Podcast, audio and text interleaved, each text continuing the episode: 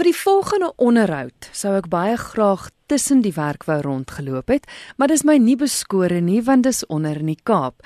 Maar ek het wel die voorreg om te gesels met die kunstenaar Jaco Siberhagen en dit is oor sy uitstalling Ander kant van winter in Engels The Other Side of Winter.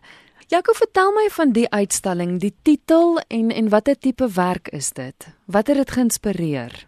Jy ken nou al my werk wat meer die swart silhouet werk is en oor tyd het dit toenemend baie meer politieke kommentaar gelewer, baie meer satire gewees, ehm um, en baie meer amper konfronterende werke gewees.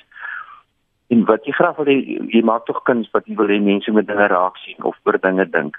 Maar so van middelaas jaar af het ek al begin die gevoel gehad, ehm um, ons moet nou begin aan die ander kant van die winter begin raak sien. Want dit help net nie jy bly mense herinner van die winter wat ons omvou nie um, op soveel gebiede nie, maar dat dat daar's nog iets om verder te kyk en en elke en dan besluit my ek gaan die uitstalling se titel maak die ander kant van winter en en heeltemal 'n 'n uitstalling wat 'n viering is van die mense se ongelooflike vermoë om om uit te styg, om vorentoe te beweeg, om op te staan, om te dans in die oggend al weet nie hoe die dag gaan lyk nie. En daai ongelooflike vermoë Met die uitstalling het ek gedink ja, ek wil ons mense moet dit raak sien in hulle self en hulle self weer besef sodat ons kan kan ook met 'n met 'n positiewe energie vorentoe gaan.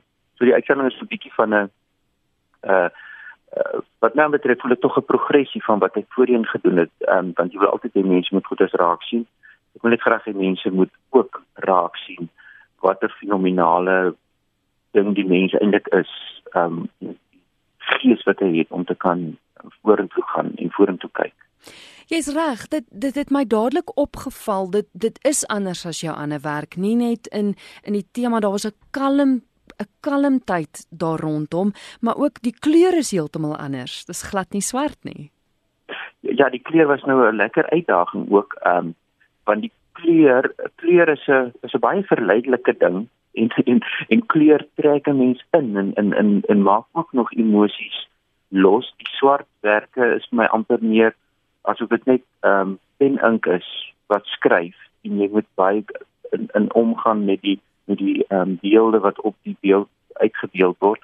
Ehm um, die kleure is is is word deel van die viering, bloue en in kleure wat regtig optel en en en en positiewe energie uitstraal. So ek het met opset ook kleure gekies um, omdat ek wou deel van hierdie viering uitbeeld eintlik.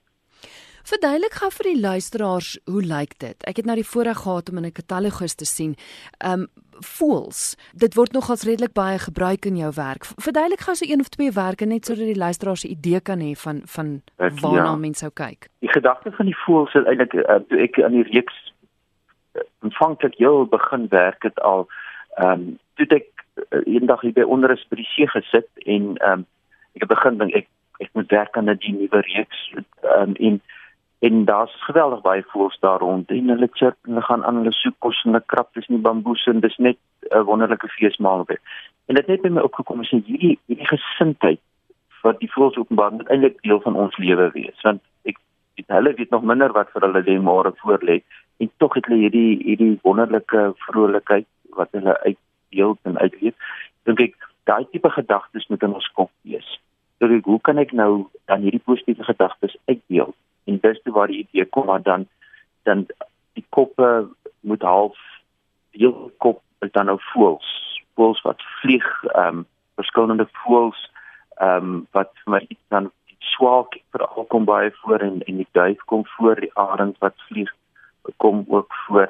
En dit word amper 'n tipe van 'n verwysing na na vredevolle gedagtes of swerwer gedagtes met die swaalkies arende wat dan 'n bietjie meer die aggressiewe ehm um, verteenwoordig eintlik. So die koppe is die, die silhouette is nog altyd daar van die gesigte, maar dan agtertoe breek die kop amper op en in voels wat vlieg met verskillende temas voels vlieg die voels op verskillende maniere ook en dan het ek ook drie figure wat eintlik opgebreek word deur die voëls wat vlieg. Ehm um, en dan ook dan daardeur 'n sekere emosie of 'n sekere gevoel probeer uitdeel. Jaco, dis presies dieselfde medium as as jou vorige werke wat wat jy steeds gebruik het, né? Presies nog dieselfde, die werkswyse is presies nog dieselfde. Dit bly silhouette. Dit bly glaser bestaal. Ehm um, hierdie is nou 'n buitewerk. Al die werke is groot. Ehm um, dit is 2 meter as een werk wat 2.5 meter hoog is. Uh, dis so dis groot werke, dis uit ehm um, vlegvrye staal ge, gelaser. Ehm um, maar is nog altyd dieselfde idee dat dit silhouette is en ek bly maar by die silhouette deels omdat 'n silhouet word eintlik 'n woord in jou kop. Ehm um, ehm um, in in ek dit dit bly nou maar my manier van van van praat uh, met die kuns, maar dit is nog dieselfde manier van werk. Is nog net ehm um, ander tema wat mens dan aanspreek. Mm. Toe ek deur die katalogus gegaan het, was daar 'n gedig by elke kunswerk gewees in Afrikaans en Engels. Is die gedigte deel van die kunswerke wat nou in die tuin uitgestal word en wie het dit geskryf? Ja, ja, die ehm um, die gedigte is daar's by elke kunswerk is daar 'n gedig en ehm um, ek het die Afrikaanse gedigte geskryf. Dit gebeur maar so spontaan terwyl ek werk aan die tema en dink aan die tema en dink aan verskillende beelde waarmee ek aan werk. Dan begin mens dit maar later te verwoord met gedigte ook en toe ek vir almal gedigte geskrywe. Ons het toe 'n uh, persoon gekry Hendrik Tron uh, wat toe die die gedigte ehm um, nie reg vertaal het nie. Hy het eintlik redelike skrywersvryheid gebruik deur te kyk na die kunswerke en kyk na die gedigte wat ek geskryf het en na aandering daarvan dan het hy ook 'n gedig in Engels geskryf wat wat dan ook ehm um, in die katalogus geplaas is saam met die Afrikaanse gedig. Dit is baie verskillend. So dis nie dat dit 'n uh, sê maar 'n lineêre vertaling is van die, die Afrikaanse gedig nie. Dit is heeltemal 'n vrye interpretasie.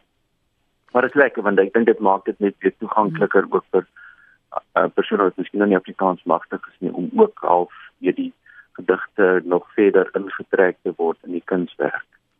Waar is jou werk te sien, Jaco? Die werke word uitgestal by ehm um, ehm um, dit is van plaas onder die vaandel of die beskerming van die US ehm um, galery wat in Franshoek is, maar dit is by Tukara by Stellenbosch. Dis my Stellenbosch uitry Franshoek se kant toe, dan gaan jy als hoogte pas op en as jy op die kruin van die pas kom, dan is daar 'n pad wat links draai na Tukara, dis die uh, wynland goed.